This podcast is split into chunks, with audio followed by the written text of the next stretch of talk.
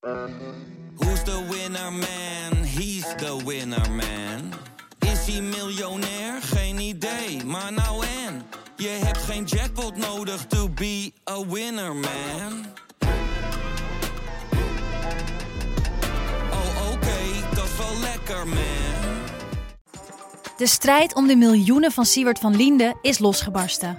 Zowel de staat als zijn stichting eisen de mondkapjeswinst terug.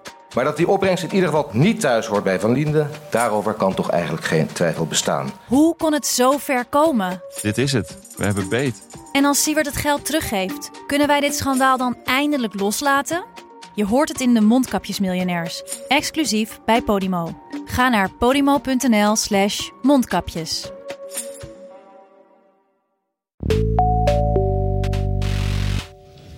Ich habe heute Abend an alle, an alle Deutschen eine einzige Botschaft zu übermitteln. Generalsekretär Gorbatschow und ich stimmen darin überein, dass es das alleinige Recht des deutschen Volkes ist, die Entscheidung zu treffen, ob es in einem Staat zusammenleben will. Dit is Betrouwbare Bronnen met Jaap Jansen.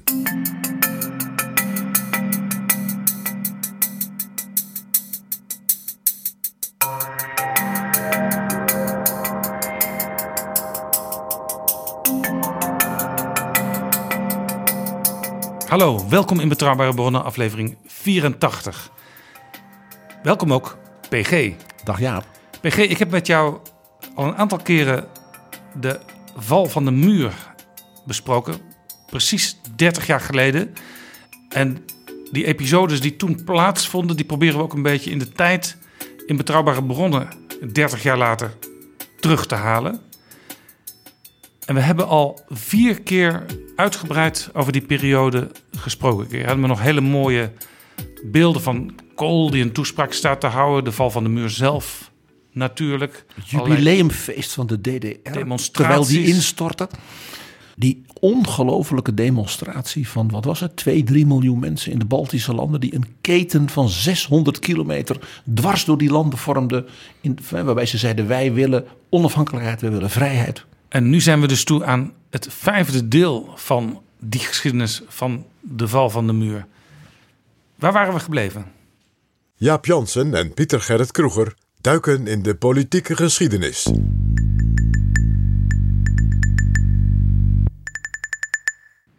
Ja, november, december 1989 waren natuurlijk ja, ongekende uh, momenten die de wereldgeschiedenis hebben veranderd. De val van de muur zelf.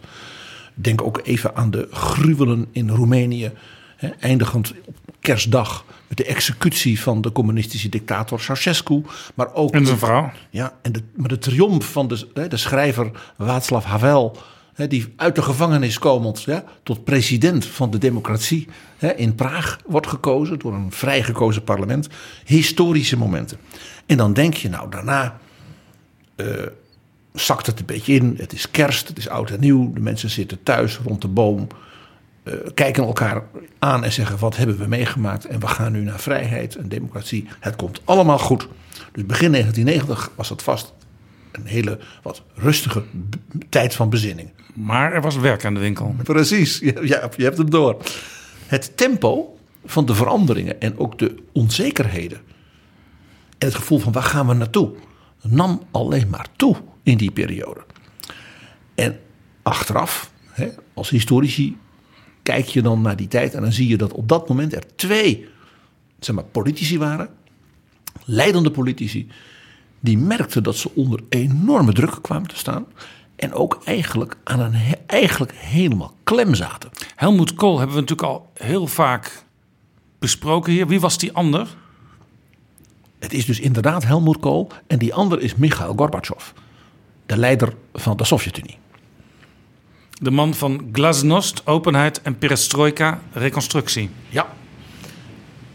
Die natuurlijk als leider van dat Oostblok, hè, maar zo, hè, moest toezien in oktober, november, december. Hè, denk aan die vorige afleveringen. Hoe de landen die als daar min of meer onderworpen waren aan zijn macht, aan de macht van de Sovjet-Unie, ineens ja, de, de, het communisme afschudden Denk dus aan Polen, denk aan natuurlijk meest dramatisch de DDR.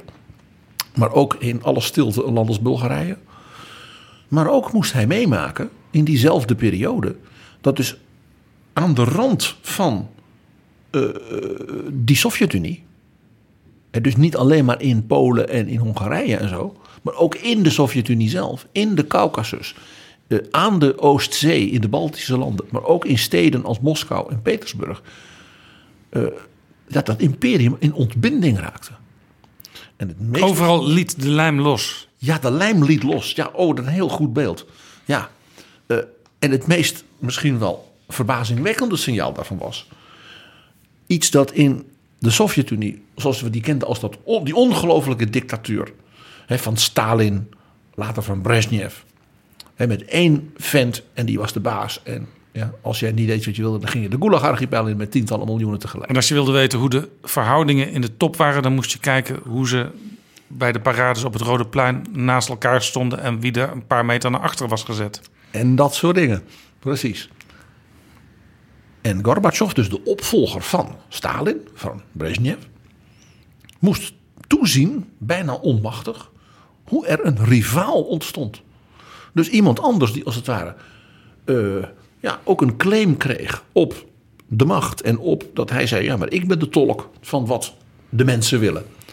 En dat was de partijleider van Moskou die de aanjager was van democratische vernieuwingen binnen dus de Sovjet-Unie en met name dus ook binnen de Republiek Rusland. Hè, dat was een die dus ook in de Duma, het parlement, zat. Ja, en een grote mond had. En, En, kritisch was. rechtstreeks kon tegenspreken. Rechts, ja, en dus ook als man in die partij eh, dus een, een, een belangrijke positie had. En dat was ene Boris Yeltsin. Maar daar gaan we later, wil ik voorstellen, nog uitgebreider over spreken. Want we willen ons nu focussen op Kool en Gorbachev, die verhouding. Ja, en, maar belangrijk is dus dat er voor het eerst de geschiedenis van die Sovjet-Unie... er dus een van onderop, als het ware, een rivaal was. Iemand die bijna als een soort gelijke durfde op te treden tegenover de partijleider... wiens officiële titel natuurlijk was secretaris-generaal... van het Centraal Comité van de Communistische Partij. Ja, want het was natuurlijk eigenlijk altijd zo dat de opperste leider... die pikte talentvolle mannen waren het eigenlijk altijd... uit de regio's en die mochten dan in Moskou een rol gaan vervullen. Maar het werd wel allemaal van bovenaf geregisseerd. Zo was Gorbachev ook uit Stavropol in de Caucasus als jonge ingenieur eh, chef geworden van de landbouw in de Sovjet-Unie. En eh, ondanks dat die landbouw één grote puinhoop was, kon hij toch nog de partijleider worden. Zo gaan die dingen. Nou, jij zei het al heel mooi, de lijm raakte los. Eh, bijvoorbeeld, had natuurlijk hi- hier in het westen niet zo heel veel, was daar niet zo heel veel aandacht voor. Maar in de stad Baku aan de Kaspische Zee, in de Republiek Azerbeidzjan, waren er enorme demonstraties. Zeg maar een miljoen mensen op straat die zeiden: We willen vrijheid. Ze wilden vrijheid van godsdienst. Het waren allemaal moslims. Eh, we willen een soort democratische moslimrepubliek. Eh, en eh, wij zijn mogelijk onafhankelijk, kunnen wij een leidende rol spelen. Want we zijn heel rijk, want we hebben olie in die Caucasus. Ze dachten natuurlijk ook aan hun, in hun ogen glorierijke verleden. Want ooit waren ze een zelfstandig land. Nou, Azerbeidzjan was ook onderdeel van een heel, heel eh, eh, eeuwenoud complex van vorstendommen. Eh, zeg maar eh, eh, eh, eh, ook, ook eh, Khaans, zoals dat heette, de, de, de Ghanaten. Eh, Astrachan, hè, de stad zegt het al. Dus de, en de, de Krim. eh, dat hele gebied was tot in, ver in de 18e eeuw. In feite dus waren dat moslimvorsten. Eh, die vaak eh, georiënteerd op Bagdad. eh, dan wel op de Perzische Shah. laat zeggen, dat deel van, van Azië dus regeerden. En pas heel laat dus in de, in de tweede helft van de 18e eeuw, en vooral in de 19e eeuw, dus door de tsaren waren onderworpen. Dat waren natuurlijk nooit zeg maar, moderne Russische republieken geworden. En ook in de Sovjet-tijd was dat natuurlijk gewoon ja, onderdrukking. Ja. Maar nu kwamen die mensen ineens eh, ja, in en, en denk ik vanuit de gedachte van de tsaren en later gewoon overgenomen door de Sovjets. Ja, een, een, een, een handige buffer om de, het kernland heen. En natuurlijk heel belangrijk, de oude st- strategie van de tsaren. Wij willen een warmwaterhaven. En dat kon natuurlijk ook richting Bagdad en daarmee de Persische Golf. En eh, ja, wat Poetin nu doet is niet zo heel veel anders. In een aantal opzichten. Nee. In Syrië en dergelijke. Nou, er was dus een volksopstand in Azerbeidzjan, in Baku. Er waren nationalistische bewegingen in kleine, meer christelijke eh vorstendommen uit de middeleeuwen. Als Armenië en Georgië. Eh, en zeer opmerkelijk, eh, de nu democratische regeringen in Polen en Tsjechoslowakije, in Hongarije. Dus mensen als Lech Walesa, Václav Havel. Die zeiden tegen Gorbachev, ja, een van de dingen waar wij van af willen als democratisch land... is dat er een half miljoen Sovjet-soldaten met kernwapens en alles erop en eraan... bij ons in ons land zijn gelegen, die hier oefeningen doen... eh, en ja, gewoon doen alsof je de baas zijn. Dat moet over zijn. Wij willen dat u die troepen terugtrekt. Ja. Speelt natuurlijk wel meteen de angst, denk ik, bij Gorbachev dat dan de NAVO de boel zou overnemen. De spanningen op dat punt, die we tot de dag van vandaag herkennen, eh, komen dus uit zeg maar januari, februari 1990. Dus nu exact 30 jaar geleden. En dus veel eerder dan men vaak later zei. Meest opvallende rafelrand zeg, van het Sovjet-imperium, dat, hè, waar, de lijm losliet, waren die kleine landjes aan de Oostzee De Balten. ja, nu, ja, eh, kleine, zeer gewaardeerde leden van de EU. Toen gruwelijk onderdrukte republiekjes. Eh, die door de deal tussen Stalin en Hitler in 1939. dus hun zelfstandigheid en ook hun democratie. en de vrijheid die zij hadden, waren kwijtgeraakt. Waar wel een derde van de bevolking was gedeporteerd naar eh, Siberië. Ja, wij zeggen heel vaak het Balticum. En dan bedoelen we dus die drie samen als een soort Benelux. Maar ik ben daar op bezoek geweest in die drie landen afzonderlijk. En daar zijn ze eigenlijk helemaal niet blij mee. Ze willen eigenlijk helemaal niet op één hoop geveegd worden. Nou, voor een deel weer wel. In de zin van hun, hun enorme rijke historie. eh, ook in de middeleeuwen, hè, de tijd van de Hanzesteden. eh, en natuurlijk ook in de, het- onze hè, Nederlandse Gouden Eeuw. Waarbij zij de- tot de belangrijkste partners van de Republiek Maar ze hebben alle drie een heel eigen karakter. Maar het zijn drie hele leuke, aparte landen.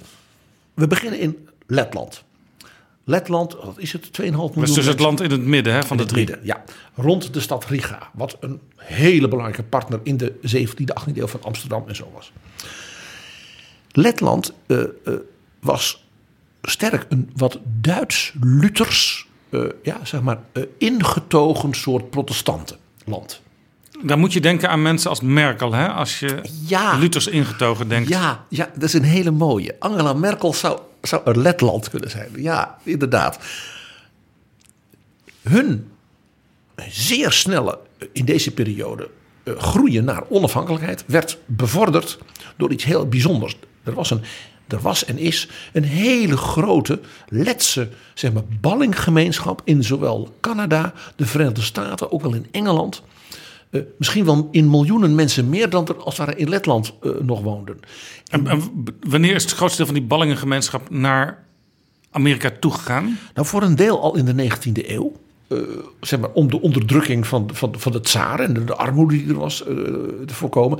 En natuurlijk heel veel in de, de, in, in de jaren 30 eh, en ook later nog. Ja, toen alles duidelijk werd. Ja. En omdat die, die, zeg maar, die, die Letse bevolking, eh, ook vanuit vroeger eeuwen, vanuit het protestantisme, dus altijd al- allemaal, allemaal lezen, schrijven, leren, ijverig. Ja. Wij zouden zeggen, hè, typisch, eh, ook een soort Nederlands-Calvinistische sfeer. Nou, dat geldt ook voor, voor Letland. Dus die hadden het als het ware in die ballingschap goed gedaan. Dat waren mensen die, die konden wat. En er ontstond dus toen heel snel een soort communicatie tussen die Letse gemeenschappen in het westen en Letland. En misschien wel het meest mooie voorbeeld daarvan is dat eh, de vicepresident van, wij zouden zeggen, de KNW, de Academie van Wetenschappen van Canada, werd als het ware uitgeleend door Canada om in Letland als het de wetenschap weer opnieuw, eh, opnieuw lees te schoeien, de communistische eh, toestanden te saneren, de universiteiten vrij open te maken en dergelijke. En die mevrouw, mevrouw Freiberga, werd daarna al heel snel de president van Nieuwe Letland. Dus een Canadese vluchteling uit het Letland van 1940, toen ze als een klein meisje met haar ouders was gevlucht. En hoe was ze nou in Canada terechtgekomen? Ongelooflijk verhaal. Ze was in een gevangenkamp, een vluchtelingenkamp terechtgekomen in Marokko.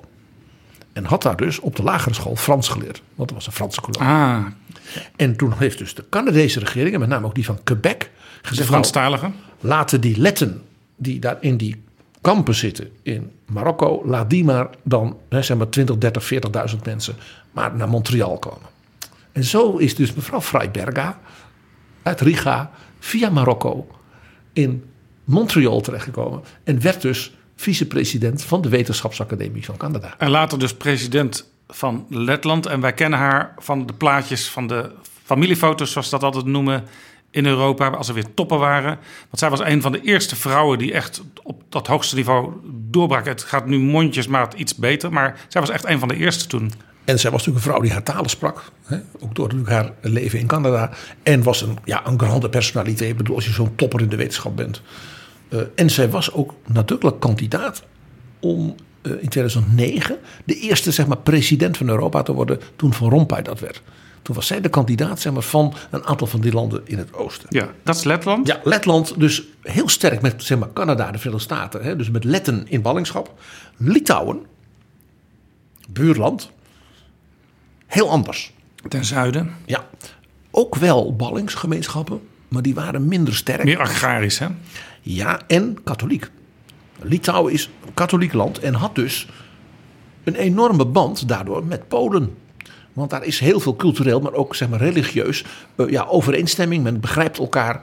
Eh, en daarbij was natuurlijk een geweldig punt dat ook Litouwen, net als de Polen, zich natuurlijk aangejaagd, geïnspireerd wisten door paus Johannes Paulus Ja, II. de Poolse paus. Dus de Poolse paus was ook de Litouwse paus. Hè, om maar zo te zeggen. En die gaf die mensen dus moed. Dus die zorgde weer voor dat Litouwse zeg maar, onafhankelijkheidsstreven. En dan hebben we nog Estland. Ja, het, het, noordelijkste en ook denk ik eh, het snelst eh, toen ze eenmaal zelfstandig waren economisch succesvol. En waarom was dat? Nou, Estland is net als Letland ook een vrij Luthers eh, protestant gebied. En had dus ook die typisch protestantse cultuur die wij hier in de Nederlanden ook kennen van, van eeuwen her. Maar Estland heeft een heel eigen taal. Een, een, iemand uit Litouwen of uit Letland kan een Est niet zomaar verstaan. Want de taal van de Esten lijkt vooral op die van de Finnen en de Hongaren. En nou begrijp je nog wel, de Esten keken dus vooral naar Finland. En ook een beetje naar Zweden Ja. en, en dergelijke. En waren dus wat Scandinavischer. het bij Helderweer kun je, kun je ook over en weer de twee landen zien, hè? Estland en Finland. Er zijn dus ook heel veel eh, eh, culturele eh, banden in de sfeer van de muziek en de kunst. En, nou, die banden, dus tussen Estland en Finland, waren dus weer een belangrijke aanjager voor de Esten. Om, hun, op, om hun eigen manier weer die onafhankelijkheid en die culturele ja, openheid en vrijheid te veroveren. Dus je ziet relatief kleine landjes, maar die elk weer met hun eigen achterban, zou je bijna zeggen, elders in de wereld.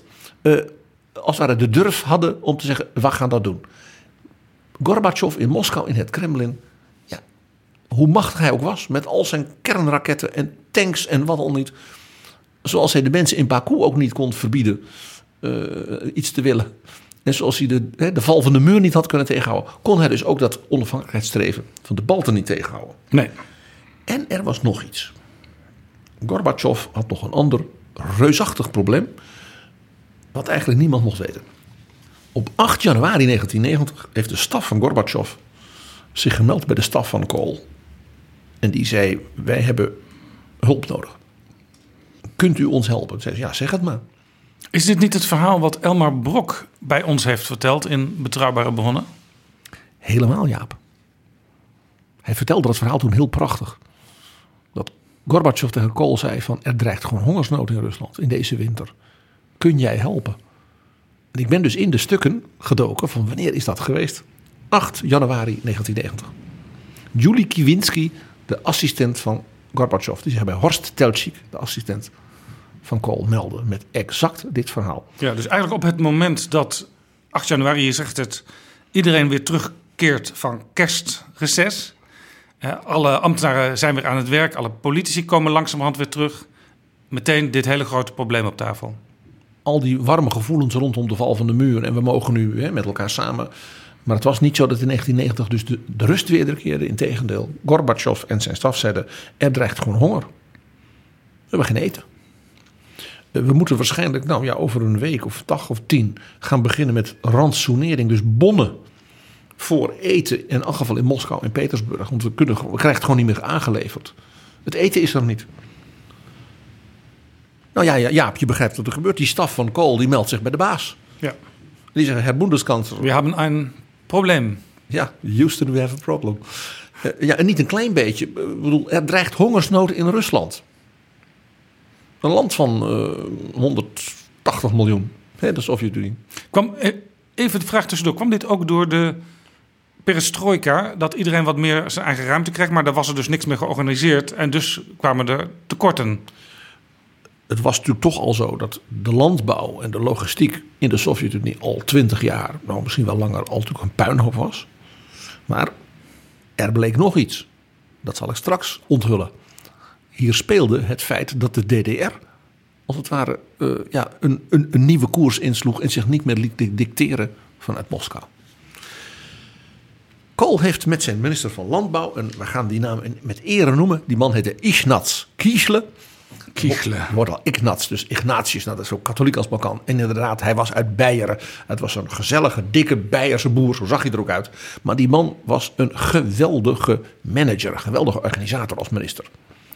En die zei, nou, gaan we doen. Die zei, eh, ik ga eens even laten kijken hoeveel er in al die koelhuizen in Europa aan Boterberg. Ja, dat is en- interessant dat je dat zegt. Overschotten was. Europa, zeg je, want het, landbouwbeleid was natuurlijk ook toen al niet meer nationaal in feite. Dat was grotendeels vanuit Europa gecoördineerd. Zoals nu nog steeds, wij klagen nog steeds vanuit Nederland een beetje als het over de discussies over de Europese begroting gaat. Ja, er gaat nog steeds een heel groot deel, zo'n 40% naar landbouw.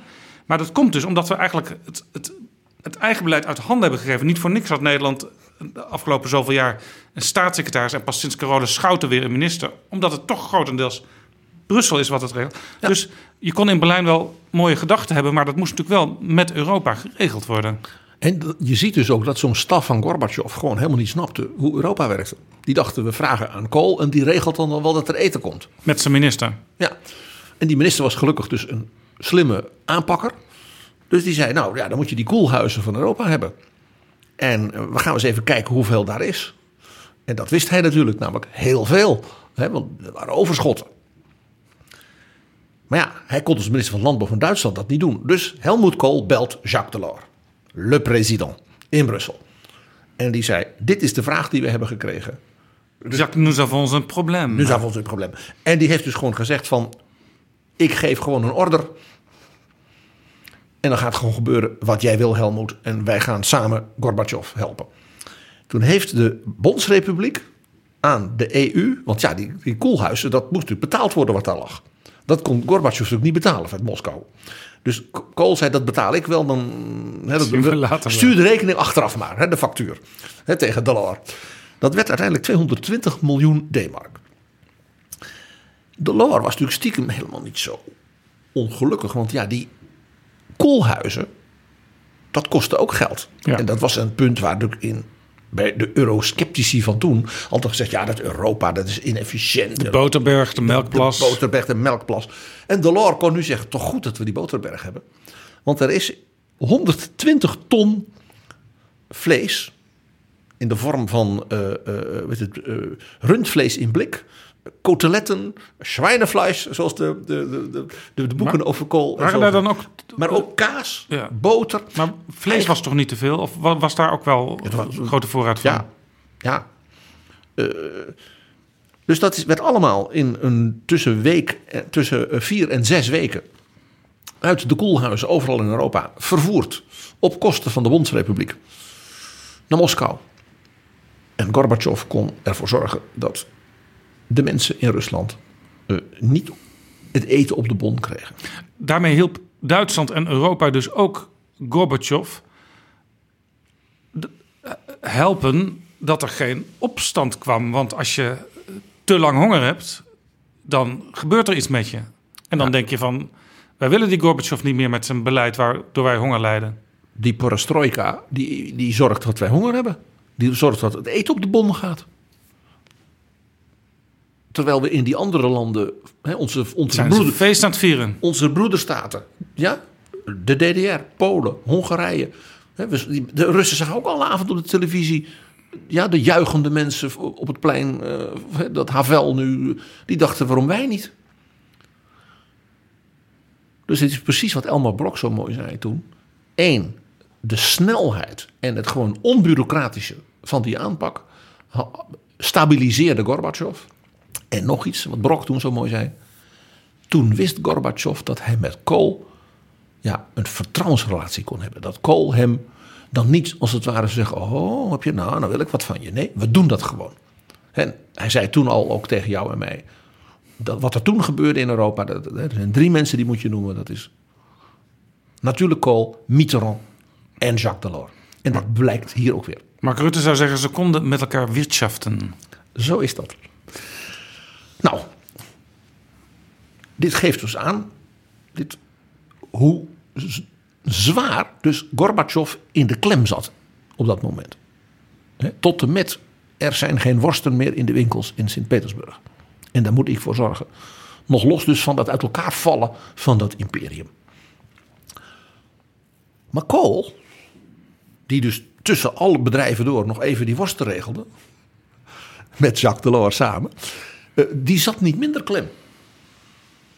Want je weet nog, uit onze vorige editie over hè, de 30 jaar val van de muur, dat hij daar in Dresden het volk toesprak, die hem toejuichten, Helmoet, Helmoet. En dat hij zei, we, we gaan samen op weg hè, naar de vereniging van ons land. Maar dat doen we schritt voor schritt. Maar dat doen, we voor, dat doen we verstandig. We zullen er nog heel veel werk aan hebben. En we zullen moeten beseffen dat onze buren vanuit de geschiedenis zorgen hebben. En die moet je serieus nemen. Ja. En we moeten langzaam aan elkaar wennen en daar geven we elkaar alle ruimte voor. En hij werd toegejuicht. En de mensen scandeerden Helmoet, Helmoet. En wir sind ein Volk, wir sind ein Volk. Ja. Waaruit misschien al een beetje bleek, ik preludeer, dat ze in het oosten haast hadden. Dat was wat Kool merkte daar. Dat het idee van we gaan dat nog eens dit en we gaan als dat. Hij had toen, weet je wel, dat zo'n eerste plan van een confederatie in 15 jaar. Ook een beetje om de andere landen, bijvoorbeeld de Europese Unie, collega's, de Amerikanen, eh, gerust te stellen van het wordt niet weer meteen dat hele grote Duitsland waar jullie altijd in het verleden zoveel last van hadden. En waar zeker mevrouw Thatcher ook zo eh, eh, paniekerig over was. Maar Kool moest vaststellen dat hij ehm, dus een strategie had. Een soort improvisatie. Hè, 10, 15 jaar. Die dus helemaal niet ging werken. Want stel, hij ging een verdrag sluiten voor die confederatie voor over 15 jaar. Met wie dan? Er moet een regering zijn, er moet een parlement zijn. De mensen in de DDR riepen wir sind ein Volk. De regering, de restanten van dat politbureau, had natuurlijk geen enkel gezag meer. Er was geen autoriteit meer. De enige autoriteit die er was, kon je niet zien, maar overal voelen. Dat was de staatssicherheidsdienst. Dus eigenlijk moesten er verkiezingen komen en een nieuwe democratische regering. Ja, want een verdrag sluiten met dat politbureau-restant. Hoe kun je dan zeggen dat is een democratische, gezamenlijke stap van Ja, de Duitsers Op de wil van het volk gebaseerd. naar vrijheid en democratie. Door een overeenkomst met, nou ja, Egon Krenz. Even heel, heel die man waar je hele mooie dingen over Ja, hebt verteld. In ja en, en dus, oude die dus overeind gehouden wordt door de Stasi en het leger. Ja, de geheime dienst en de krijgsmacht vaak in, in, in, in dictaturen eh, nog het enige bastion als het op instorten staat van stabiliteit. Dus dat was één. Maar het tweede punt waarmee dus die improvisatiestrategie van Kool dus botste, was nog een geopolitieke realiteit. Stel, die confederatie kwam er, toch. Dan zou dus 15 jaar lang er twee Duitse staten zijn, die dan langzaam naar iets, iets nieuws gingen toegroeien, wat toch niet helemaal helder was. Dan zou dat dus voor de helft lid van de EU zijn en voor de andere helft niet. Of voor de helft lid van de NATO En voor de andere helft lid van het Warschau-pact. Dat is niet te doen dus. Uh, nee, voor president Bush was dat natuurlijk een nachtmerrie. Uh, voor president Mitterrand een nachtmerrie. En Delors, ja, die zag natuurlijk helemaal de bui hangen. Want zijn concept 1992, één Europese interne markt, kon hij dus opzouten. Want als de helft van Duitsland, en dan ook nog een arm deel, ja, dat erbij gehaald moet worden, in feite geen lid van de EU nog kon zijn, dat was gewoon niet te managen. Nee, en je kunt ook niet eeuwig de slachthuizen en de boterbergen en de melkplassen naar het oosten brengen. Nee, het houdt een keer op, zelfs met de olijfolieplas. Hè? Nou, dus wat gebeurt er in eh, de dagen zeg maar, tussen kerst en oud en nieuw? Eh, is Kool in Latje. En dat is een kustplaatsje zeg maar, in de buurt van Bordeaux aan de Atlantische Oceaan in het buitenhuis van Mitterrand. En daar praten zij met elkaar. En Mitterrand zegt dan: Ik ben. Ja, ik kijk historisch als Fransman. En toen heeft hij gezegd: De Duitse eenheid is voor mij een gegeven. Ik hoef, ik hoef er niet voor te zijn of tegen te zijn. Dat doet er helemaal niet toe. Ik ben een Frans patriot. Ik ben een president van Frankrijk. Ik ben dus voor Frankrijk. Het is de loop van de geschiedenis. Ik ben voor Europa en ik wil een vreedzaam Europa. En een vreedzaam Europa vereist een in vrede verenigd Duitsland dat een fatsoenlijke democratie is. En dat kan dus niet half in de NATO, half. Dat wordt een drama. Dus Mitterrand zei: Ik steun u, hè, kanselier. Maar dat Duitsland moet dus wel een berekenbaar Duitsland zijn. En niet half-half. Waardoor wij als Fransen, de Polen, a fortiori mevrouw Thatcher, gaan zeggen dat Duitsland is niet te vertrouwen. Mitterrand moest dus ook. Mitterrand kon dus ook bijvoorbeeld Gorbachev dit vertellen. En Gorbachev duidelijk maken dat er wat versneld moest worden in die vereniging van Duitsland. Hij heeft in diezelfde periode gesprek gehad met mevrouw Thatcher. Dat in de meest recente grote biografie van haar, van Charles Moore, zeer gedetailleerd is weergegeven. Buitengewoon interessant. Waarin hij tegen mevrouw Thatcher zegt: Als wij niet oppassen. En dus Duitsland weer een soort half-half situatie in het midden van Europa wordt. Met dan die DDR erbij, maar ook weer half hè, met die confederatie. En dan die landen als Polen en de Tsjechen en de Hongaren eromheen, die ook allemaal niet precies weten waar ze aan toe zijn. Toen zei hij: Weet u, mevrouw Thatcher, waar wij dan terug zijn? Wij zijn terug in 1913. Vlak voor de Eerste Wereldoorlog. Waarin Frankrijk en Engeland met Rusland ja, een soort alliantie sluiten. Om te voorkomen dat in dat midden van Europa er een soort macht ontstaat waar ze geen, geen greep op hebben. Ongelooflijke uh, analyse. En wat leidde in 1914 tot vier jaar oorlog en vier jaar stilstand in Europa. En in Frankrijk natuurlijk. Uh, nou ja, kijk maar aan, al die oorlogskerkhoven in elk dorp. Hè?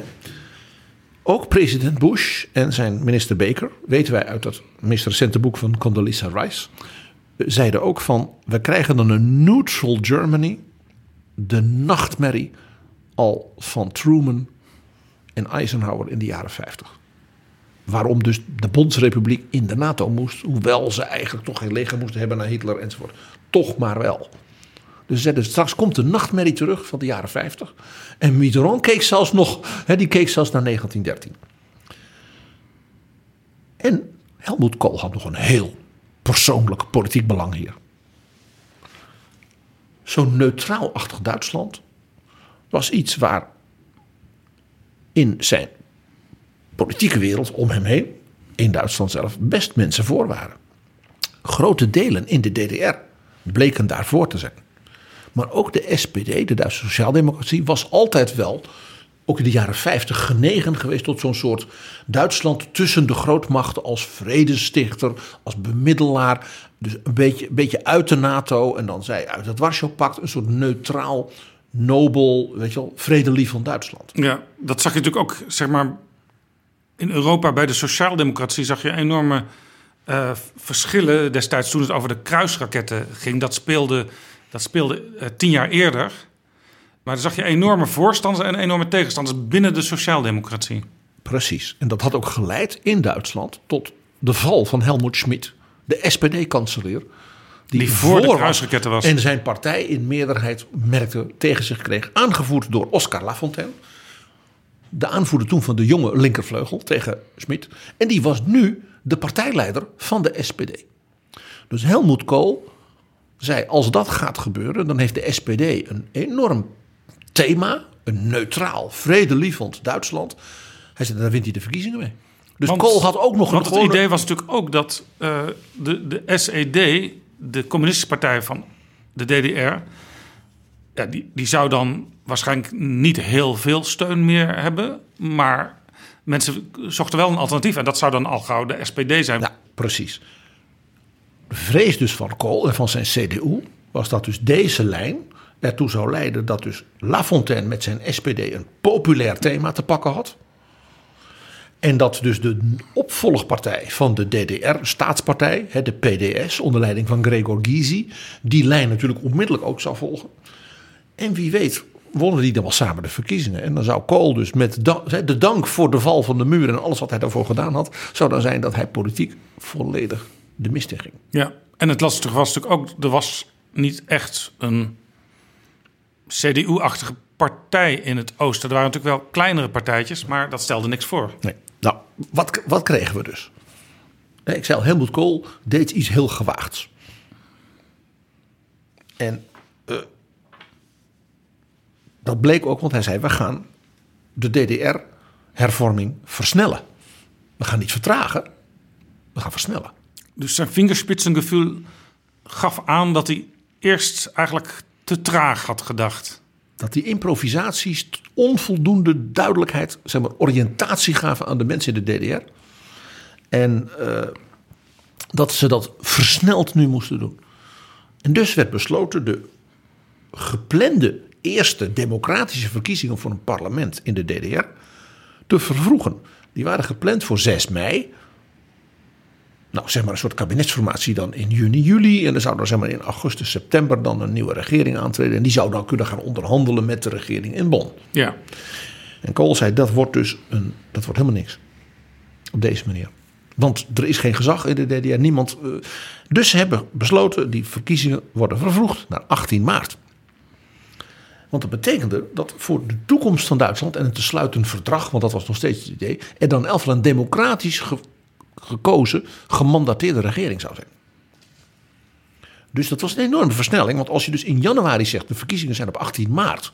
In een land dat nog nooit verkiezingen heeft gehad van een ja, open democratische manier. Dan was natuurlijk niets nog voorbereid. maar was het wel nog, lastiger om echte partijen te vormen? Ook dat nog. Tweede punt wat van belang was met die versnelling.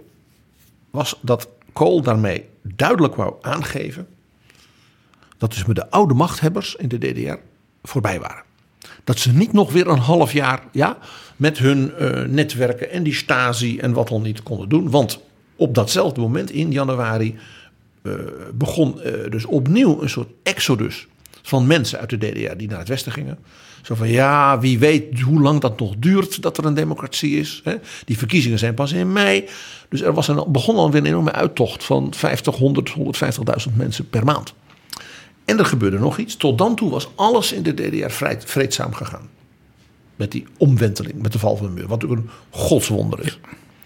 Op 15 januari ging het fout. Je ziet ook weer net dus na die kerstdagen. En dat je denkt nu hè, dat de mensen ineens weer het gevoel hadden. Ik weet niet waar ik aan toe ben. Toen is het hoofdkantoor van de Stasi. Dus van de geheime dienst. In de Normannenstraße in Oost-Berlijn. Bestormd door duizenden mensen Waarom toen plotseling? omdat naar buiten was gekomen dat de Stasi dag in, dag uit, s'nachts doorwerkend bezig was. Alle documenten van hoe ze de mensen hadden onderdrukt. Wat er met mensen was gebeurd die verdwenen waren, aan het vernietigen waren. En die mensen hebben dus met geweld dat hoofdkantoor binnengevallen. Probeer je in te denken, je bent in een dictatuur. En de bevolking bestormt het hoofdkantoor van de geheime dienst. Dus je wil bijvoorbeeld je eigen documenten wel eens zien. Wat wist de Stasi allemaal van mij? Maar je wil misschien ook weten waar een familielid gebleven is dat plotseling verdwenen is. toen ik in december 1990. Toen ik zelf in december 1989, ik heb er eerder iets over verteld. Door toeval in Berlijn was, heb ik op een avond eh, eh, ja, iets ongelooflijks meegemaakt. Ik, ik, vertel het nog met emotie. Eh, ik liep in Oost-Berlijn over straat na een bijeenkomst. En loop langs een gebouw wat ik kende uit eerder bezoek in Berlijn. Dat was het hoofdkantoor van de staatsraad van de DDR. Dus eigenlijk het bureau van Honecker. Dat was een heel bijzonder gebouw uit de jaren 20. Eh, Voor alle liefhebbers van de architectuur van die tijd een, een must om te zien. Maar daar kon je natuurlijk nooit bij. Dat was helemaal omringd natuurlijk met een soort militair spergebied. Met allemaal kerels ge- gewapend. Daar kon je niet bij komen. En nu, alles was weg. De hekken waren weg, er waren geen soldaten, niks. En ik zag op de trappen allemaal mensen met lawaai. Ik zag dat er televisiecamera's met licht waren. Ik zag spandoeken. Ik denk, er is iets. Dus ik ben er naartoe gelopen. Want ik dacht, dat gebouw wil ik zien. Daar waren duizenden mensen aan het demonstreren. Dus bij het hoofdkantoor van de machthebbers van de DDR. En die riepen, ik wil mijn akten zien. Dus ik wil zien wat ze... de- Dus de, de documenten, de mappen. Ja. Daar stonden mensen die zeiden: Waar is mijn vader? Mensen die zeiden: Mijn broer is toen heeft geprobeerd te vluchten over de grens. We hebben nooit meer iets gehoord. Is hij dood? Dat, dat waren dus duizenden mensen en die waren in wanhoop. En die dachten: We horen niks. Eh, mijn, mijn opa en mijn oom en mijn vader zijn in de jaren 50 gedeporteerd naar Siberië. Waar zijn ze? Mensen die ja, drie, vier keer in de gevangenis hadden gezeten van de Stasi. En, nou ja, hun leven verwoest was ongelooflijke scènes. En toen merkte je dus dat onder, de, onder dat fantastische, feestelijke, ja, geweldige aspect van, van de nieuwe vrijheid, dat daar natuurlijk een, een, een menselijk leed, een, een, een repressie, een dictatuur onder zat, waar wij als Westerlingen En geen alles wat idee van hadden. al die tijd onderdrukt moest worden, dat werd er nu letterlijk uitgeschreeuwd. Letterlijk.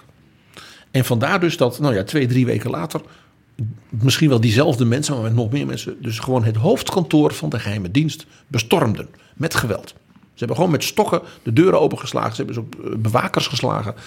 En toen was dus voor eh, ja, mensen in West-Duitsland duidelijk. Als die bevolking in de DDR geen zeg maar, stippende horizon krijgt. Hè, zoals Kool probeerde toen hè, in Dresden met die speech dan kon het nog wel eens heel erg verkeerd gaan aflopen. Dus die verkiezingen vervroegen. Dat betekent dus ook dat er dus politieke partijen moesten komen. Ja. Dat betekent dus dat er een civil society met enige eh, ja, zeg maar, eh, druk moest ontstaan. eh, om dus iets van nou, houvast te geven aan de mensen in de DDR.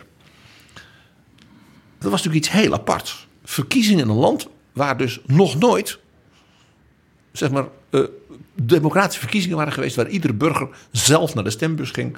Dat was in de DDR zo. Dan ging je met groepen van je werk, met muziek. En dan stemde iedereen op.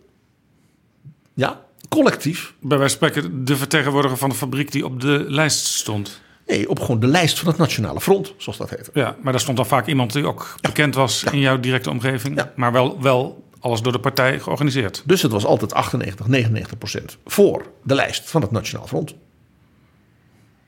Ja, Nationaal Front, je hebt het al eens eerder verteld. Dat was eh, de SED, de Communistische Partij. Maar ook een aantal, wat dan, jij dan zo mooi altijd noemt, de blokfleuten. De blokpartijen. En dat wa- was dan een zogenaamde liberale, een zogenaamde... Wat was er nog meer? Christen-Democratische Partij en een Boerenpartij en een Nationale Partij. Alsof het een echte democratie was. En dat was dus een Nationaal Front. Ja. Dus er werd nu op heel korte termijn eh, een, zeg maar, wij zouden zeggen, normale verkiezing georganiseerd. Met stembussen waar je dan zelf heen ging. Dat was voor mensen in de DDR, dus voor die burgers, iets volkomen nieuws. Probeer je even te, te, beseffen, eh, Jaap en ook de luisteraars. In die delen van Duitsland had men sinds 1933 geen democratische verkiezingen meer gehad. En men leefde dus toen in 1989.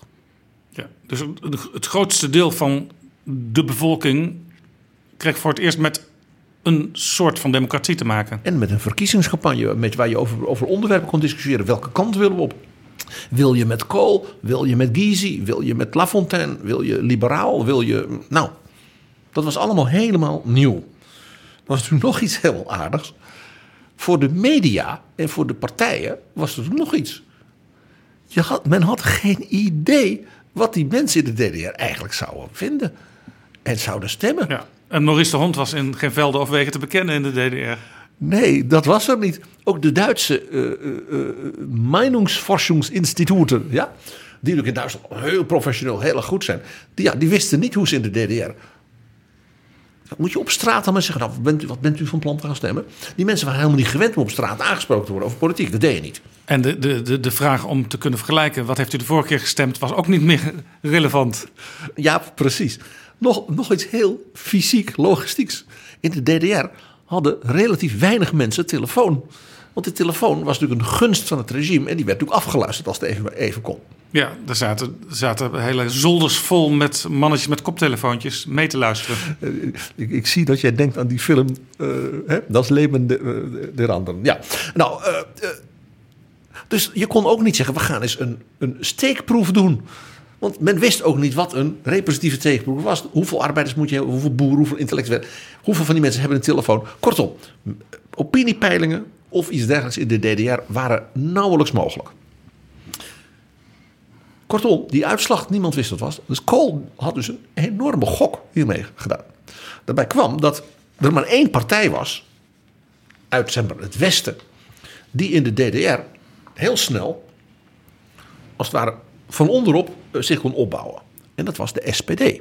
Ja, zoals we net al een beetje bespraken. Ja, de SPD kon vrij snel, ook met behulp van de vakbonden en dergelijke, uh, en had een, ja, ook een soort traditie, zeg wel, in het oosten ook was het idee. Uh, en uh, ja, die gingen enorm aan de slag. En de SPD had nog een geweldig wapen, en dat was Willy Brandt.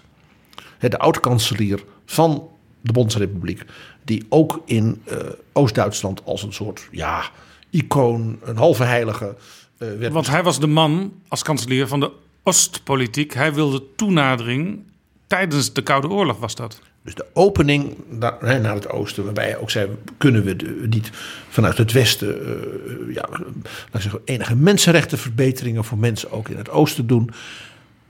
Hij was ongekend geliefd en bewonderd. En Willy Brandt was natuurlijk een oude heer op dat moment, maar die was beschikbaar voor de verkiezingscampagne. Dus die trad op en ja, dan werd er Willy, Willy, Willy geroepen. En de mensen hadden tranen in de ogen. Volkomen begrijpelijk. Voor de SPD, voor Oscar Lafontaine als partijleider natuurlijk een geweldige asset. Zo'n iemand die bij de boven de partijen zweven, de halve heilige. De Groenen, ja, die waren niet erg goed georganiseerd. Uh, zoiets bestond bijna niet in de DDR. Uh, ja, er waren wel wat vanuit de kerken wat ecologische groepjes. Maar de Groenen in West-Duitsland hadden niet zoveel met de kerken. Dus dan kreeg je dat weer. Die hadden er wel een soort burgerforum van intellectuelen. Ja, want dat hoor je nu nog steeds als je officiële stukken ziet en ook als je Duitse radio en televisie volgt. Dat heet de Bündnis 90, het jaartal zegt het al. Bond, bondgenootschap 90 van de, het Forum en de Groenen. Zo is dat. Dan had je nog de liberalen van de FDP. Ja, die hadden dus geen structuur. Die hadden wel zo'n blokfluit, zo'n blokfleuten.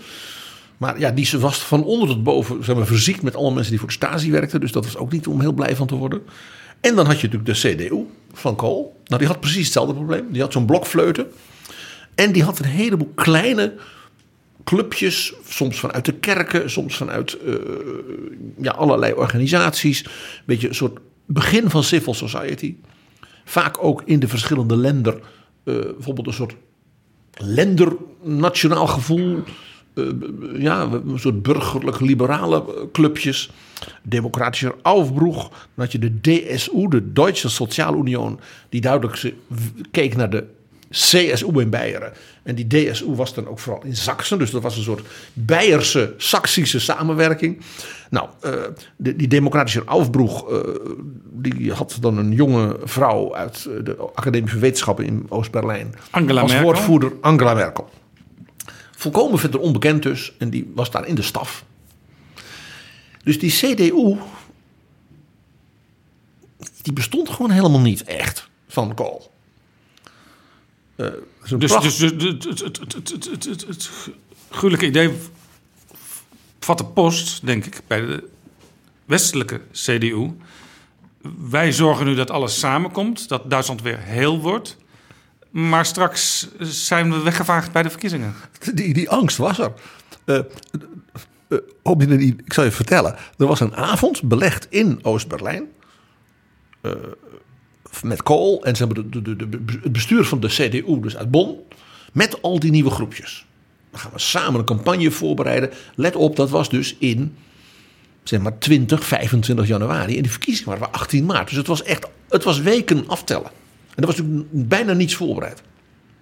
Er was ook- scenario. Er was ook geen medialandschap, zoals wij nu zouden zeggen, in de DDR. Met omroepen, met, dat was er allemaal niet. Dus dat moest ook, ook toen weer, dus Kool moest weer improviseren. Hè? Dat is dat is eigenlijk wel grappig, een vast thema aan het worden.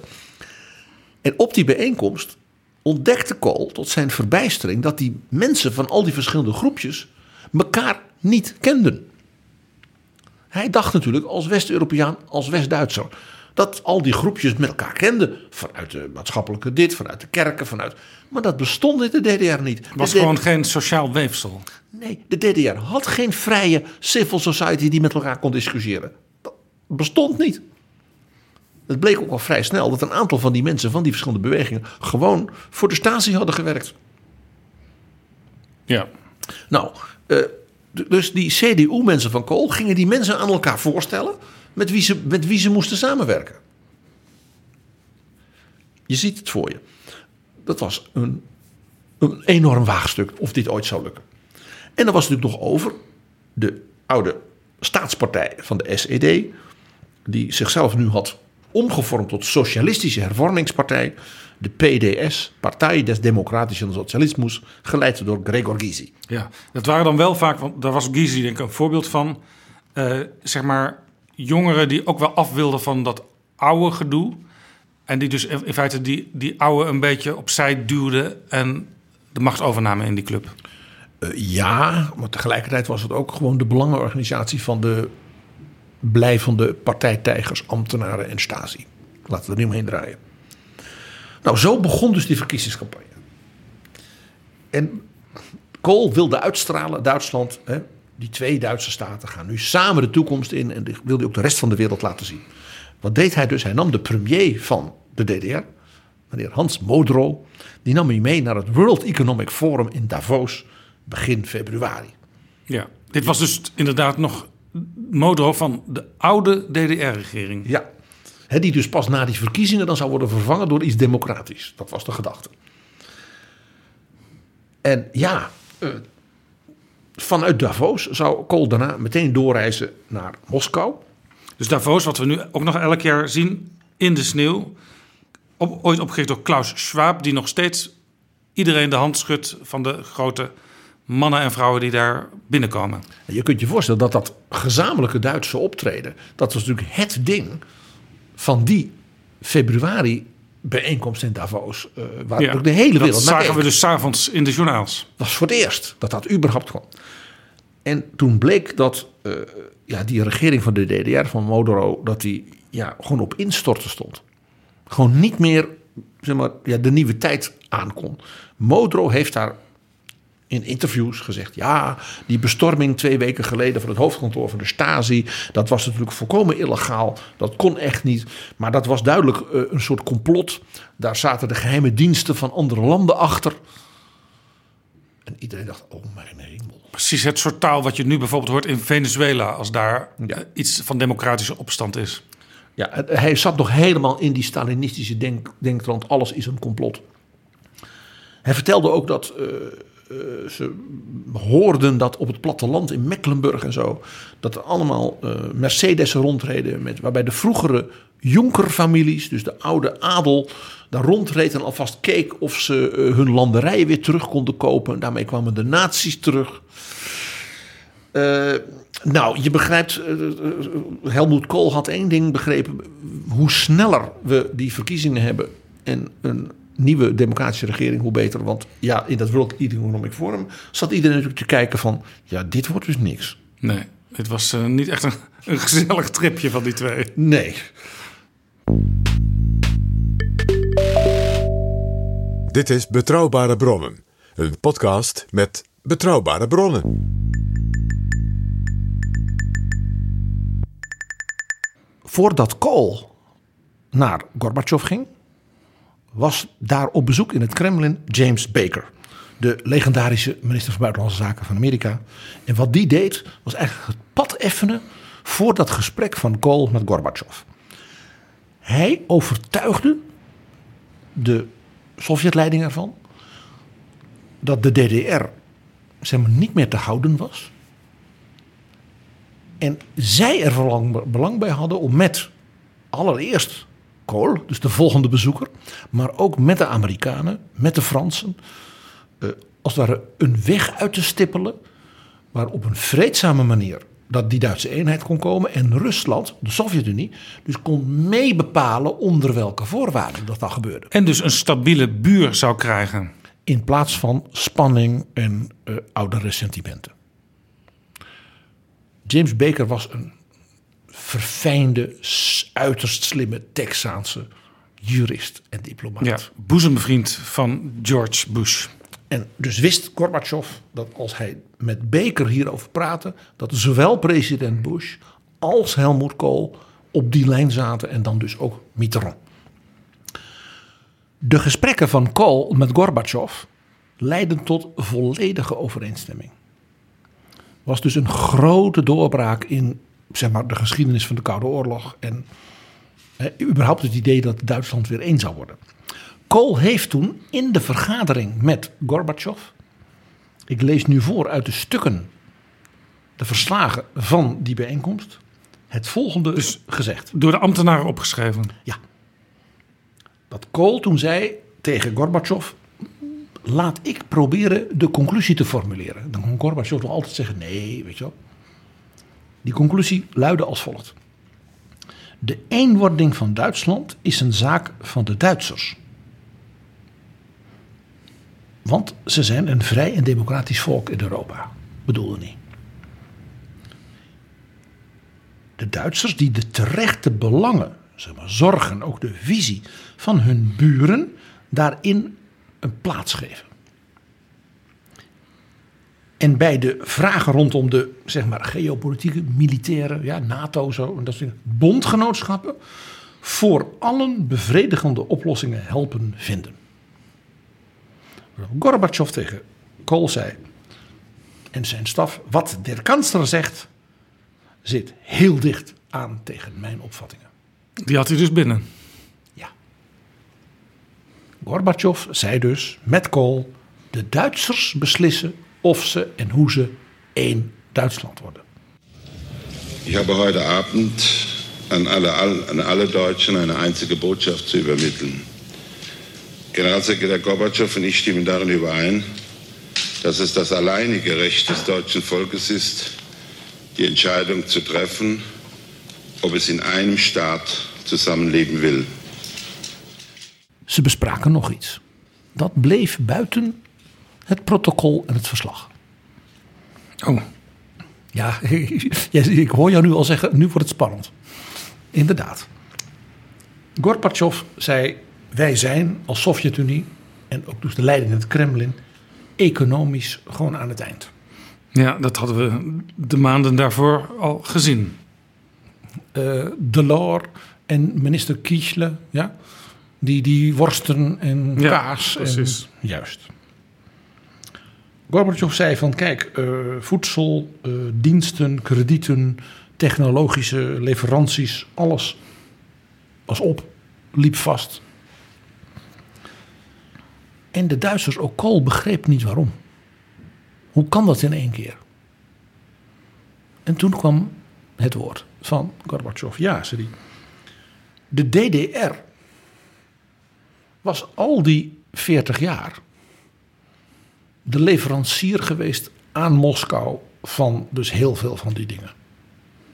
Oftewel, de DDR zorgde voor leveranties, natuurlijk bijna voor niks. Dat land werd dus uitgeperst. Eigenlijk een soort koloniale verhouding van de Sovjet-Unie met de DDR. Ja, Jullie Ja. leveren ons de spullen. Jullie zorgen dat wij een bodem hebben om op te bestaan. Met andere woorden, die DDR die functioneerde eigenlijk best redelijk. Alleen ze moesten een groot deel van hun spullen meteen afstaan aan de Sovjets. En deden dat dus met massagoed zonder heel veel eh, zeg maar, technologische vernieuwing. En dat, dat eten, de- die landbouw was natuurlijk ook niks. Maar het ging om massagoed. Ja, ja dat, dat was ook heel kenmerkend vaak voor Sovjet-economieën... dat ze grofstoffelijke producten hadden... die dan elders soms weer in andere dingen verwerkt werden. En in ruil voor dus die nou ja, eten en dat soort dingen... kreeg de DDR dan eh, zeg maar olie. Ja, want Ruilhandel.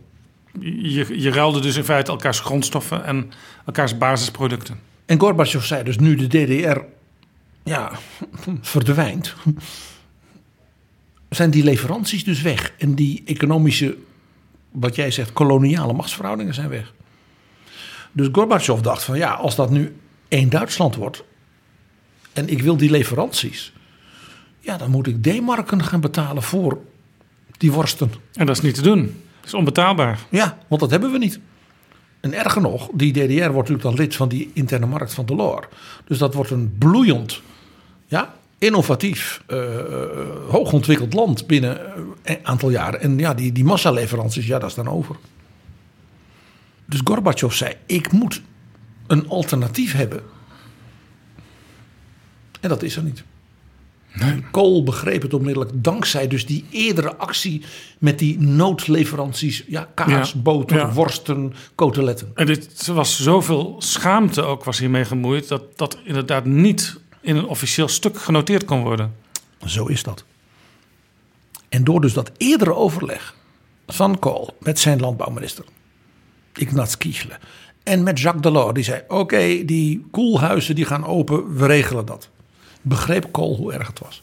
En die heeft toen ter plekke, zonder enig overleg met wie dan ook, gezegd: U kunt erop rekenen dat Duitsland, ook in de nieuwe verhoudingen, alles zal leveren wat u nodig heeft.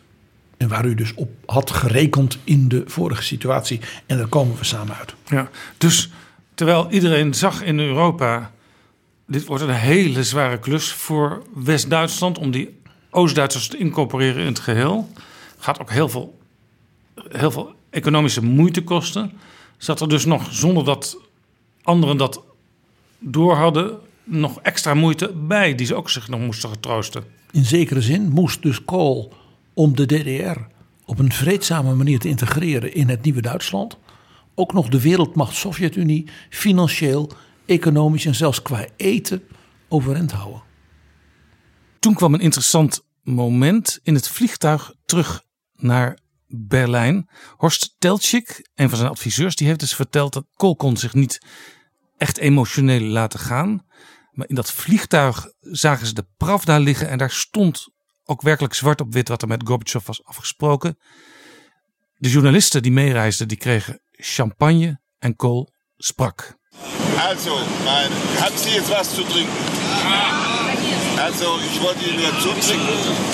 Ich denke, das ist ein Tag auf einem Rückflug aus Moskau, der uns allen gedenkt. Für mich und hoffentlich für Sie auch ein guter Tag. Auf Deutschland. Dies ist ein guter Tag für Deutschland. Und ein glücklicher Tag für mich persönlich. En eh, Jaap, we gaan weer even gewoon naar de politieke politiek. Op 18 maart waren de verkiezingen in de DDR. En we hadden al vastgesteld, niemand wist hoe dat zou gaan. Vijf weken na dat moment in Moskou. Hoe zouden de mensen in de DDR dat opvatten? Wat zouden zij zeggen van die twee waagstukken hè, van, van, van, van Kool? Oh nee. Hoe zouden de mensen in de DDR, zouden ze het snappen? Er was daar geen, men was daar niet een publieke discussie, media, kritiek en dit en dat, zoals wij gewend waren. Het was een black box wat er zou gaan gebeuren. Ja. Daarbij kwam, zo wist alle pundits, de peilingen, mensen, de journalisten, de analytici, de CDU en Kool stonden zwaar op achterstand in de DDR. Ik vertelde al dat de mensen met wie hij samen moest werken in die CDU-alliantie, die heette de Allianz für Deutschland, die mensen kenden elkaar helemaal niet. Nee. En vochten elkaar de tent uit. Hij had nog iets niet. Hij had geen Willy Brandt. Hij had niet een soort goeroe, een soort icoon, een soort nationale figuur die voor hem campagne ging voeren. De bevolking van de DDR was nou 75, 80 procent atheïstisch. Dat was een communistisch land en daarvoor een natieland, laten we zeggen, vanaf 33, waarin dus christelijk geloof, eh, politiek, eh, christendemocratie, dat soort dingen gewoon verboden waren geweest. Ja, maar nou was het natuurlijk wel zo. We weten, Angela Merkel was domineesdochter. Het, de kerken waren vaak wel belangrijk als het ging om nog een beetje kritisch kunnen praten over wat er gebeurde. Als 80% officieel atheïstisch was, was dan in werkelijkheid misschien dat getal niet wat lager? Nou, de DDR had en heeft nauwelijks katholieken. Dat was al uit de eeuwen daarvoor. Dus die typisch katholieke sfeer van de CDU in Duitsland, zoals Kool zelf ook, was daar überhaupt niet. Hè, en Beieren en zo bestond niet. De protestanten, zoals Merkel, ja, jij zegt het zelf, de dochter van een dominee uit Hamburg. Was ook een West-Duitser. Ja, geïmporteerd. Ja. Dus die, die kerken in de DDR, dat, dat, waren nissen, nissen van mensen die nog een beetje bij elkaar nog wat deden. Maar die hadden natuurlijk geen krachtige civil society, dat kon sowieso niet. En ja, in het publieke debat, laat ik zeggen, er was natuurlijk geen... Het was dus heel anders dan in Polen bijvoorbeeld. totaal anders. Polen, wat 100% katholiek was, waar de paus ja, ja, eh, vereerd werd met de Heilige Maagd. Maar de paus ook katholiek was. Zelfs de paus was katholiek. Dus er was geen zeg maar, publieke sfeer waarin geloof, eh, laat staan politiek, een rol speelde. En er waren de nodige geruchten, ook dat nog, over die partners van Kool in die alliantie. Dat een aantal van hun leidende figuren in feite in de DDR rollen speelden, inclusief als contactmensen met de Stasi. Ja, wat natuurlijk op zich, nu we er heel veel meer van weten, ook eh, ja, vrij voor de hand liggende geruchten waren. Eh, ja. Ga- geef je één voorbeeld. De leider van dus de CDU-kant in het oosten, Lothar de Maizière, was de chef van een advocatenkantoor dat dus in de DDR ook dissidenten verdedigde. Maar hij was daarmee de baas van Gregor Gysi, de baas van zeg maar, de oude communistische staatspartij. En zijn vrouw was de secretaresse van Gregor Gysi. Ja, ja. Dus ja, die zaten toch wel heel dicht op de Ja. oude hap. Maar ja, goed, Gysi had ook wel mensen verdedigd die het aan de stok hadden met het regime. Dus ja, Ja, maar ja, het was ook duidelijk dat die voortdurend met de Stasi moesten onderhandelen. Dit is allemaal was heel, niet aan het ontkomen. Hè? was Ja. heel ingewikkeld. Maar die geruchten waren natuurlijk niet bevorderlijk voor een positieve eh, campagne en voor vertrouwen onderling. Ja, ja, je kon niet zomaar even in een nis elkaar iets influisteren als kool zijnde, zeg maar, met de bondgenoten daar. Want je wist nooit precies waar het tien minuten later terecht zou kunnen komen. Exact. Kool deed toen, we zeiden al eerder, vlucht naar voren. Hij, bleef dus improviseren, zeg ik opnieuw. Twee dingen. Extreem gewaagd. Zoals we hiervoor al constateerden dat hij gewoon waagstukken nam. Het eerste, hij kondigde aan op een persconferentie in de eerste dagen van februari, dus echt aan de start van de campagne, samen met dus die alliantiepartners, dat hij zei: Ik bied de kiezers, de burgers in DDR, iets aan. Ik ben bereid om per 1 juli. Dus dan waren die verkiezingen geweest, dan zou er een nieuwe democratische regering zijn. Hij zei: Dan wil ik een, met hen een contract sluiten om per 1 juli een Währungsunion, Sociale Union en Wirtschaftsreform. Ja, voeren. is muntunie. Sociaal is eh, uitkeringen, oude dagsvoorziening. Wirtschaftsreform is natuurlijk de economie. hervormingen. En dat in één keer. Daar startte hij de campagne dus mee. Van laten we dit samen proberen.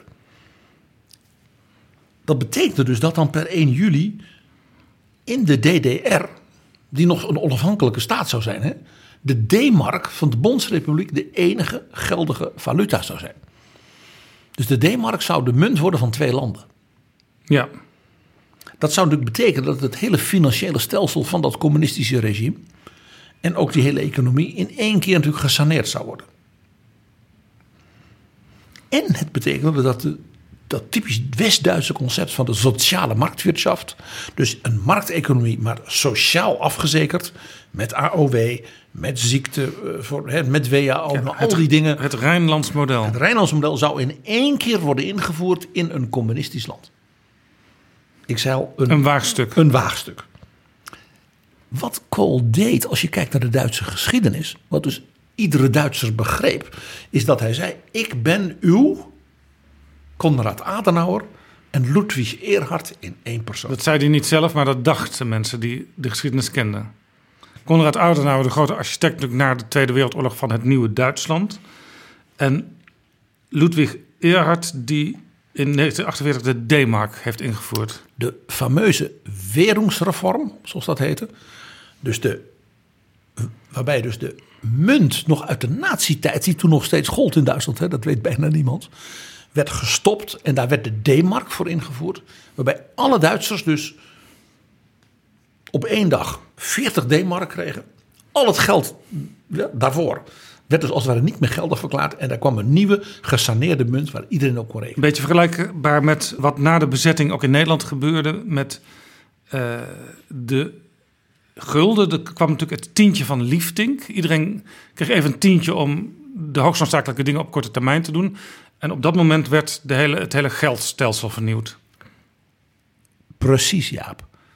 Helmoet Kool bood zichzelf aan de DDR-burgers aan als de Piet Liefdink en Willem Drees In één persoon. van de Wiedervereinigung.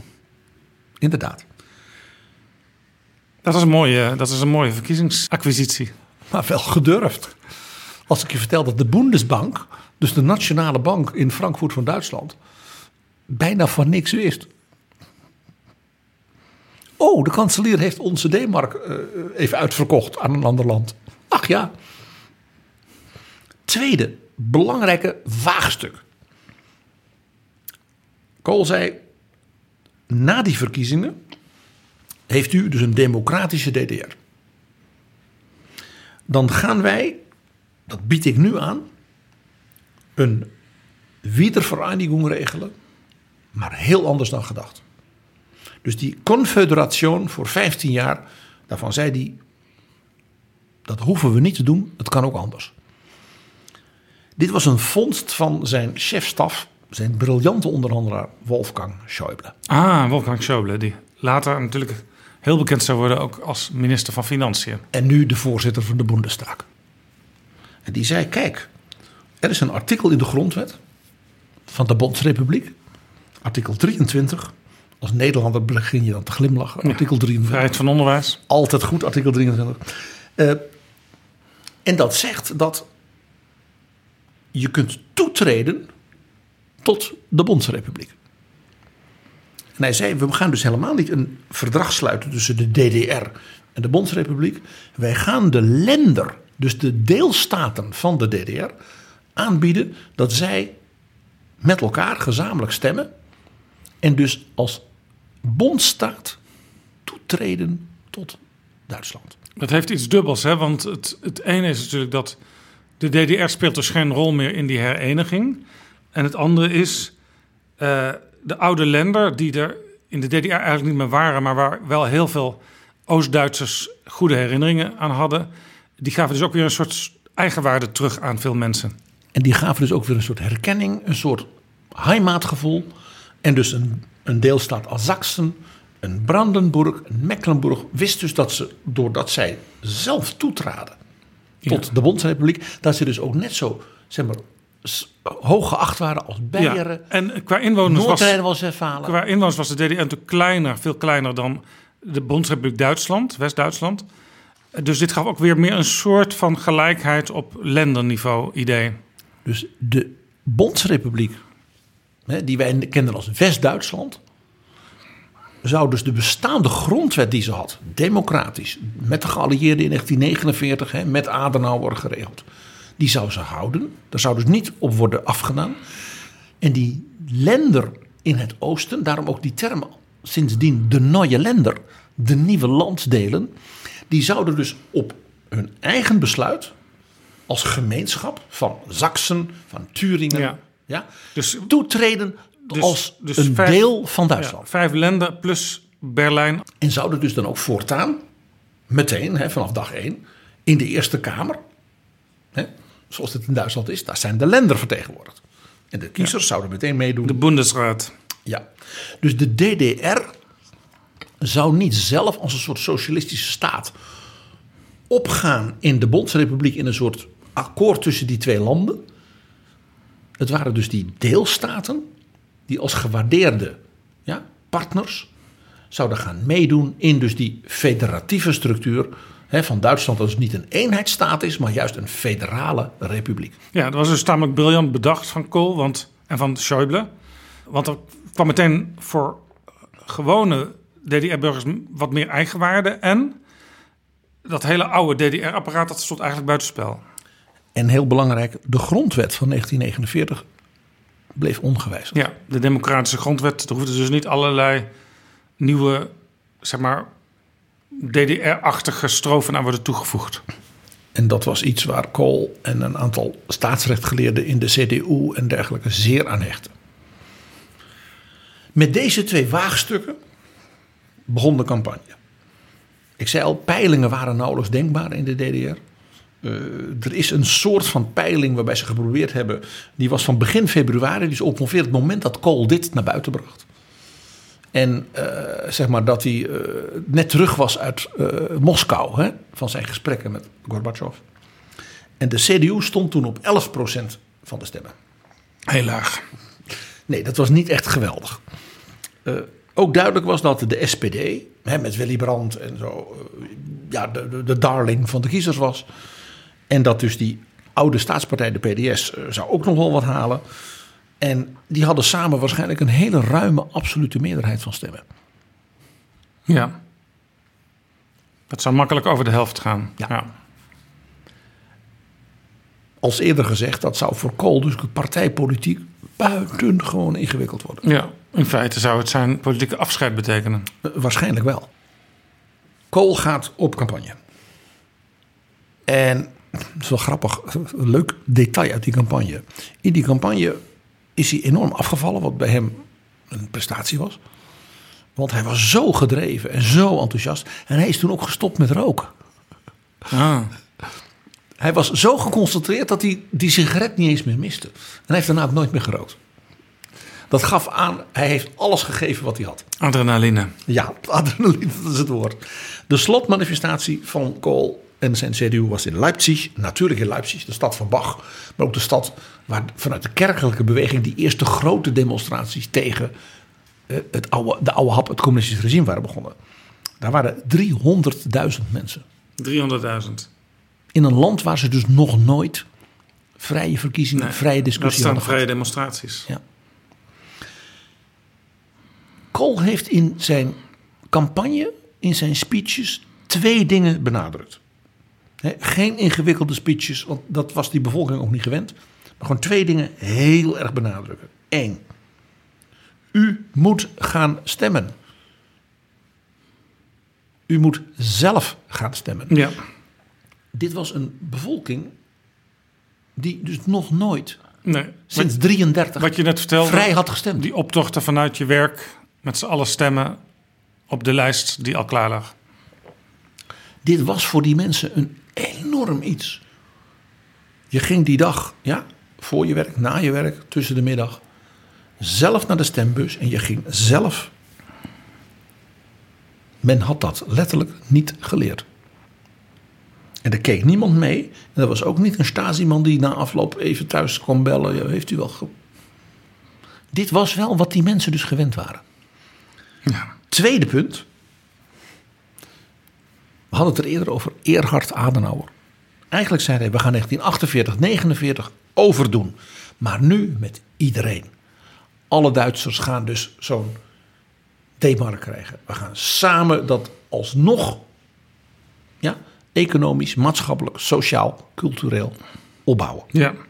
Zoals eerder, eh, volgens mij in een van de eerdere afleveringen ge- gestipuleerd was, was zusammengehört, soll zusammen wachsen. Ja. Wat eh, Willy Brandt zei, wat samen hoort, gaat nu bij elkaar groeien. En dat heeft Kool eigenlijk, als het ware, op die manier naar zich toe gehaald. Maar waarschijnlijk wat meer economisch. En heel interessant, eh, dat idee, we gaan 48, 49 overdoen en dan komt alles goed. Het is ook een stukje vertrouwen en optimisme geven. Hij had op dat punt één iemand die hem daar niet helemaal in geloofde. Dat was president Bush. Oh, President Bush. Die-. Ja, president Bush heeft in die periode met hem in Camp David, samen met natuurlijk weer James Baker, gepraat van ja, eh, Helmoet, je bent wel heel optimistisch. En, en en, hè, mijn, mijn centrale bank zegt nou. Je, je begrijpt, de Federal Reserve had natuurlijk met de Bundesbank gepraat. En die waren Ja. natuurlijk een beetje. ja, die voelden zich een beetje gepasseerd, zullen we maar zeggen. En toen heeft hij gezegd: Ja, maar George. Ik weet dit uit mijn jeugd. In 48, 49 was ik 19. En heb toen gezien dat dat bezette Duitsland, wat toen overal ruïnes, dat die werungsreform van Erhard maakte dat het loskwam. Dat mensen weer eh, handel konden drijven, dat mensen konden weer ondernemen. Eh, er ontstond weer optimisme en er ontstond een gevoel van we kunnen het. Hij zegt, en dat wil ik daar in die DDR ook. En wij hebben dan ook nog een bondsrepubliek ja, die veel groter is, die die mensen gaat helpen. Wij gaan ook eh, ongelooflijk investeren daarin. Ik wil vooral een soort dynamiek daar losbrengen en daarom doe ik dat. Waarop Bush zei, ja, wie ben ik om te zeggen dat dat niet zo is. Dus nou ja, succes. En als Amerika gaan helpen. doen Good luck. Ja, good luck. Kool zei ook dat natuurlijk het afscheid nemen van het socialisme niet vanzelf zou gaan. Er moest een overgangsperiode komen waarbij hij zei de sociale structuren van de sociale marktwirtschaft, van de Bondsrepubliek, die bieden een bodem voor iedereen. Wij hebben een, zeg maar, een Duitse AOW. Wij zorgen ervoor dat uw spaargeld hè, met die wereldsreform, dat die verzekerd zijn, ook uw pensioenen. Dus maakt u zich nou geen zorgen, maar ga aan de slag. Laten we er samen wat van maken. En dan zei hij altijd, Duitsland wordt weer een bloeiendes land. ja. En toen kwam die avond van 18 maart. De verkiezingsuitslag. Ja. En nou ja, we, we hadden al eerder gehoord over de niet-peilingen.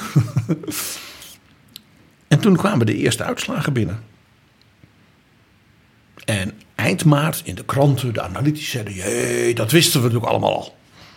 Tuurlijk. Er was in de weken van begin maart een aardverschuiving... zoals die in de peilingen in Europa en de politiek nog nooit was genoteerd. Maar wijsheid achteraf. Dus binnen de peilingen traden grote veranderingen op. Maar dat zag men achteraf. De uitslag was zodanig dat eh, Lothar de Maizière, dus de CDU-man in Oost-Berlijn, in het café waar dus de partijtop bij elkaar zat om naar de tv te kijken voor de eerste uitslagen, een soort flauwte aanval kreeg. Hij, hij viel even gewoon om, omdat hij begreep wat er gebeurd was. Of misschien niet begreep wat er gebeurd was, maar hij Hij zag een getal en hij, hij begreep het gewoon niet. Hij viel om. Er gebeurde nog iets. Even Dat verderop, kan niet zijn. Even verderop zat Willy Brandt Van de Met- SPD. met een glaasje wijn in het SPD-hoofdkantoor. En zag de eerste uitslagen. Die dachten dat ze het heel goed zouden gaan doen. Ja. Willy Brandt heeft toen zijn chauffeur laten komen en is naar huis gereden. Die wilden er niet meer bij zijn. Nee. Wat gebeurde er? De uitslag was, ik lees hem voor. CDU 41 De partners van de CDU, zoals dat partijtje van Angela Merkel, 7% Dus samen 48% De SPD 22% De PDS, dus de partij van Gysi, de oude ja, DDR-staatspartij, De communisten. 16,5% En misschien wel het allerbelangrijkste cijfer van allemaal, de opkomst. 94,3% Dus er kon geen enkel misverstand zijn over die uitslag. Nee. Dit was de beslissing. De CDU 41 met die partners erbij 7% 48. Dus samen bijna de helft. Ja. En als je dat dan in kamerzetels omrekent, zeker de helft. Ja. En dus was ook duidelijk meteen die avond dat er dus maar één ding kon gebeuren. Namelijk een grote coalitie van de heel grote CDU met de middelgrote SPD. Dat was voor de SPD natuurlijk vernederend. Ja, maar het was wel nodig, want ja, het land het was toch nog steeds een waarstuk. Dus de komende jaren door. Dus dat zou gebeuren. En dan zie je hoe de politiek werkt, eh, Jaap. Helmoet Kool, die dus al die tijd, eigenlijk vanaf die avond van 9 november, dat hij in Warschau hoorde de muur valt. Weet je nog dat hij tegen zijn assistent in Bonn, telefonerend vanuit Warschau, zei: Akkerman, sinds Sie sicher. Oftewel, Akkerman, ben je soms een beetje gek geworden? De muur valt nu, Herr Bundeskanzler. Ja? Vanaf dat moment heeft hij geïmproviseerd, geïmproviseerd, Ja. geïmproviseerd. Dat is in feite mijn analyse nu in de vijfde aflevering. Kool had geen groot plan. Hij heeft op een briljante manier geïmproviseerd. Dus eigenlijk op de tast en op zijn politieke gevoel Intuïtie, in een route die zoals de nog Duitsers nooit, zeggen. Een route die nog nooit bewandeld was. Dus hij moest echt, als een soort verkenner, moest hij eh, takjes weghakken, af en toe een boom omzagen en maar hopen dat hij de goede kant op viel. En praten met Mitterrand. Praten met Baker. Bush. Gorbachev, niet te vergeten. Lubbers. Ja. En maar erop hopen dat zijn nieuwe volk, want dat was het, hem zou volgen. En dan ook die mensen in de DDR die ja, geen perspectief meer zagen. Dat perspectief geven, iets van vertrouwen. Dat die zaak niet volkomen uit elkaar zou spatten. En op deze avond, dat was natuurlijk voor hem een ongekend moment. Die verkiezingsuitslag. En wat gebeurt er? Zo werkt de politiek, Ja. Hij maakt dan een fatale fout. Oh, niet, maar niet dat hij een nationale regering ging vormen, want dat hoorde echt op dat moment. De journalisten vragen hem, Herr Bundeskanzler, en wat gaat er nu gebeuren? U heeft de verkiezingen gewonnen. En in zijn euforie zegt hij, ik lees, ik lees nu letterlijk voor, dieses land wird in vijf jaren een bloeiendes land zijn. Overal rozen, tulpen op glooiende bergheuvels. Zingende meisjes, Alle oude, dansende jongens. alle oude kerken, paleizen, kastelen en kunstdingen die in de DDR 40 jaar lang ja, in verval waren geraakt, allemaal prachtig hersteld. Ja, dat is later kwam dat ook terug hè, in, in documentaires. En ook dat mensen zich afvroegen waar zijn die bloeiende landschappen die ons beloofd waren. Dit is dus de bron van die mythe, want dat is het, dat Kool de DDR en de mensen de DDR had beloofd. In vijf jaar is de DDR een en al bloeiende landschappen, bloeiende regio's. Het gaat allemaal goed. Hij had dus die hele verkiezingscampagne, dat hele scherpe verhaal. We gaan 1948, 49 overdoen. En dan wordt dit land weer een bloeiendes land. En nu werd dat gepercipieerd. Al hij belooft dat we in vijf jaar is alles opgelost. Dat heeft hij natuurlijk nooit gezegd. Maar dat het zo aankwam op die avond. Ja, Ja, ja, en vijf jaar was natuurlijk ook een, eigenlijk een, bijna een, een Sovjet-termijn, hè? vijf jaren plannen. Dus die mensen die dachten, nou ja, oké, we zetten een kruisje, dat hebben we ook weer geregeld. ja, Een vinkje. ja. De volgende dag. Ik zal maar zeggen, na een, een, een, een- een nacht van feest. En, hè, en toch ook een gevoel van wat, wat. Dit moet natuurlijk ook ongelooflijk bevredigend zijn voor zo iemand. Dat je dit voor elkaar krijgt. Ja, hij sliep de slaap der rechtvaardigen, denk ik. Ja. Toen zei hij in de CDU-fractie, die bijeenkwam, en ik werd natuurlijk binnen, hij kwam natuurlijk binnen met applaus en bloemen. En toen werd er ja, terugblik op de verkiezingen, wat gaan we nu doen? Toen heeft hij zich eigenlijk heel, ja, heel persoonlijk, maar ook heel eerlijk laten ontvallen. Dit hele, ik lees voor, hè, dit hele gebeuren, vanaf die avond in november, hij bedoelt dus de val van de muur, was één grote schaatstocht over heel dun ijs. Dus, dus hij gaf eigenlijk een inkijkje in. Ja, het was ook grotendeels op de tast allemaal. Dat, dat, dat improvisatie gebeuren.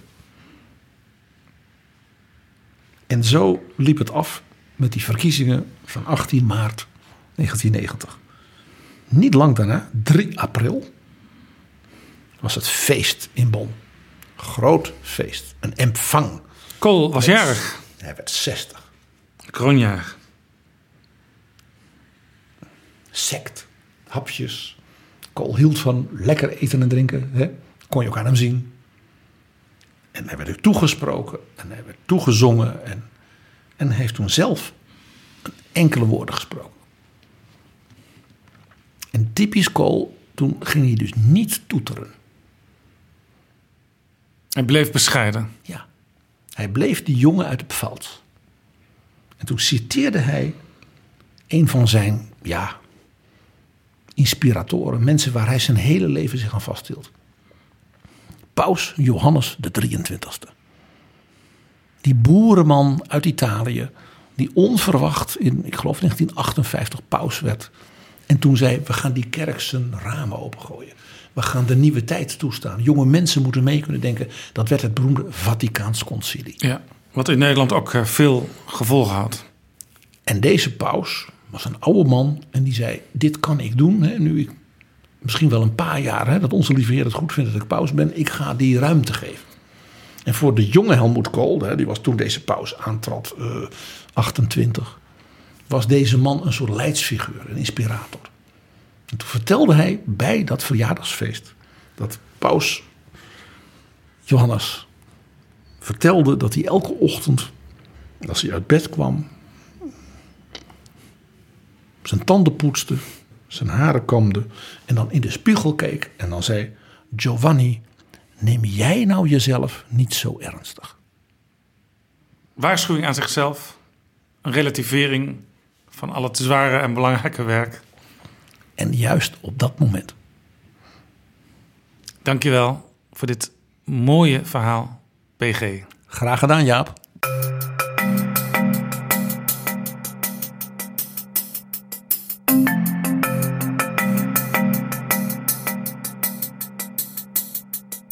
Zo, dit was Betrouwbare Bronnen aflevering 84. Deze aflevering is mede mogelijk gemaakt door de Europese Commissie en door Wie Nederland. Overweeg je Betrouwbare Bronnen te sponsoren of in deze podcast te adverteren? Stuur dan een mailtje aan flipapenstaartdagennacht.nl. Heb je vragen of opmerkingen? Mail dan naar Betrouwbare. Tot de volgende keer. Betrouwbare bronnen wordt gemaakt door Jaap Jansen in samenwerking met dag en nacht.nl.